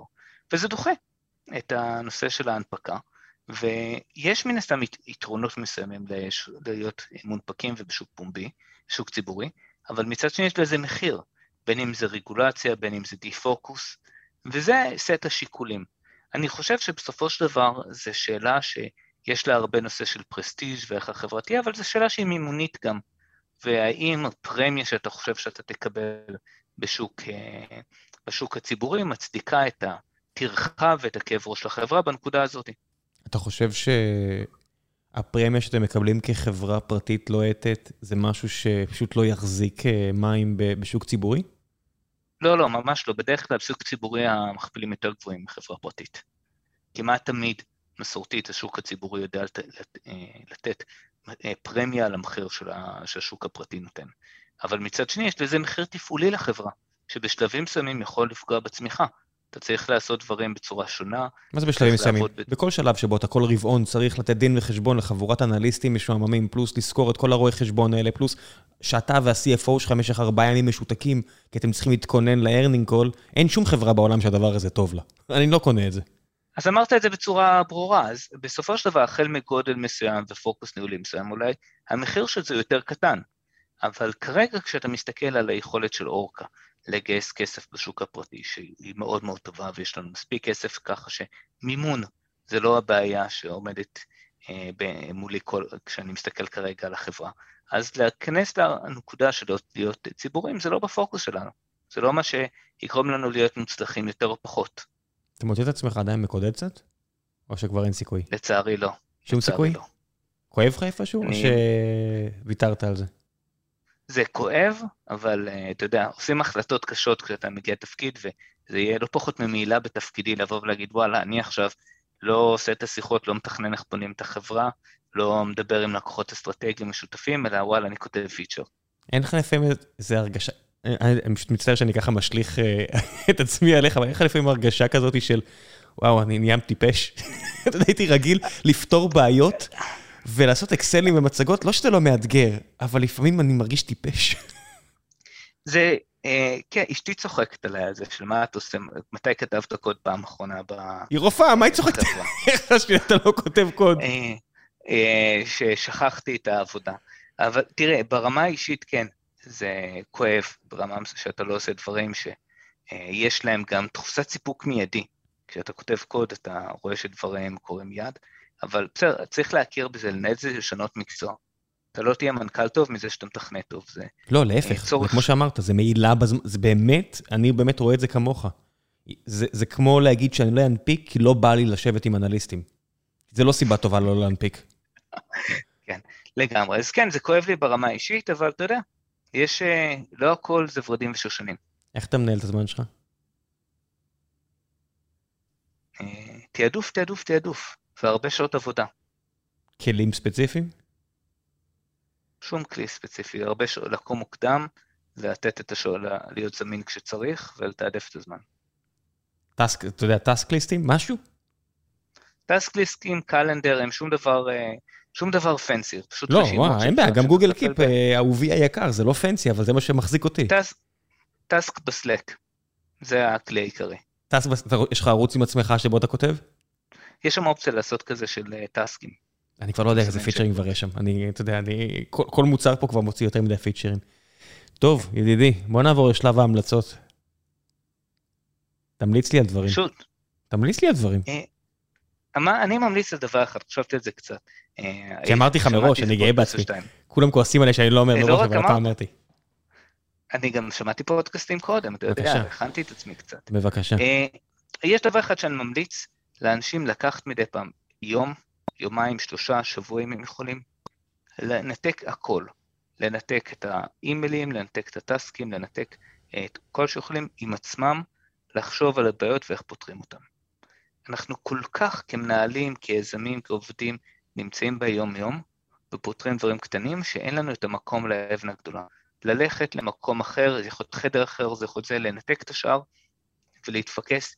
זה בדרך כלל הזמן הכי יעיל שיהיה לך בעבודה. זה היה כל כך חסר לי, ששבוע שעבר, שהיינו על המטוס ללוס אנג'לס, אז החבר'ה ישבו ועבדו. והם אמרו לי, אתה רוצה להצטרף ל... הם עשו שם איזה סשן, איזושהי מצגת שהיינו צריכים להציג ב... עם, עם הנחיתה, ואמרתי, האמת? לא. אני לוקח עכשיו תשע שעות לבהות. והיה לי מעולה. ואני חושב שכל כך הרבה זמן לא עשיתי את זה, אני יכול רק להצטרף להמלצה שלך, אני קולט כמה זה היה חסר לי. כמה, אתה יודע, הקיפ שלי מפוצץ, כמה הקלנדר מפוצץ, כמה האימייל מחכה שיהיה לי את הסופר יומן שיגיד לי שניקיתי אותו שוב, וזה כבר לא קורה.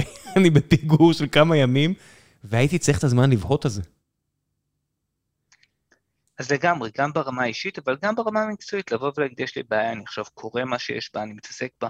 לא אימיילים, לא קלנדר, לא טסקים, רק את מה שאני מנסה לפתור עכשיו. כן. זה לטעמי אחד הדברים הכי אפקטיביים. אני חושב שאנחנו משקרים לעצמנו לגבי multitasking. אני חושב שאם אתה עושה יותר מדי multitasking, אתה פשוט עושה עבודה גרועה או בינונית בכל מה שאתה חושב שאתה עושה. זה, זה הדבר הכי כואב. לגמרי. וזה נורא קשה בתקופת הזום. אני, אני מוצא את עצמי עושה טריקים. אנשים צוחקים עליי שהם רואים אותי נכנס לחדר, ואני שם את הידיים שלי מתחת לטוסיק, כמו ילד שלא צריך לקחת קינדר בניסוי המפורסם, שאם הוא לא ייגע הוא יקבל שתיים. אני ממש שם את הידיים מתחת למושב, כדי שאני לא, חס וחלילה, יצא שנייה מהחלון ויבדוק משהו, אימייל, לא יודע מה, כל מיני כאלה. אנחנו בסוף יצורים די מטופשים, לפחות אני לא יודע. לגמרי. צריך אה, להיזהר מהפרעת הקשב שכל ההתראות האלה מייצרות לנו. לגמרי. מה אני יכול לאחל לכם? להמשיך ליהנות כמו שאני נהנה, מה אני יכול לאחל לך? שלא ייגמר לעולם.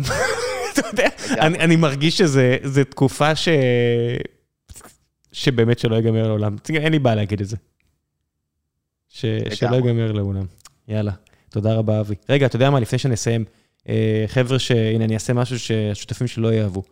אה, אם רוצים להצטרף לאורקה, מה אתם מחפשים?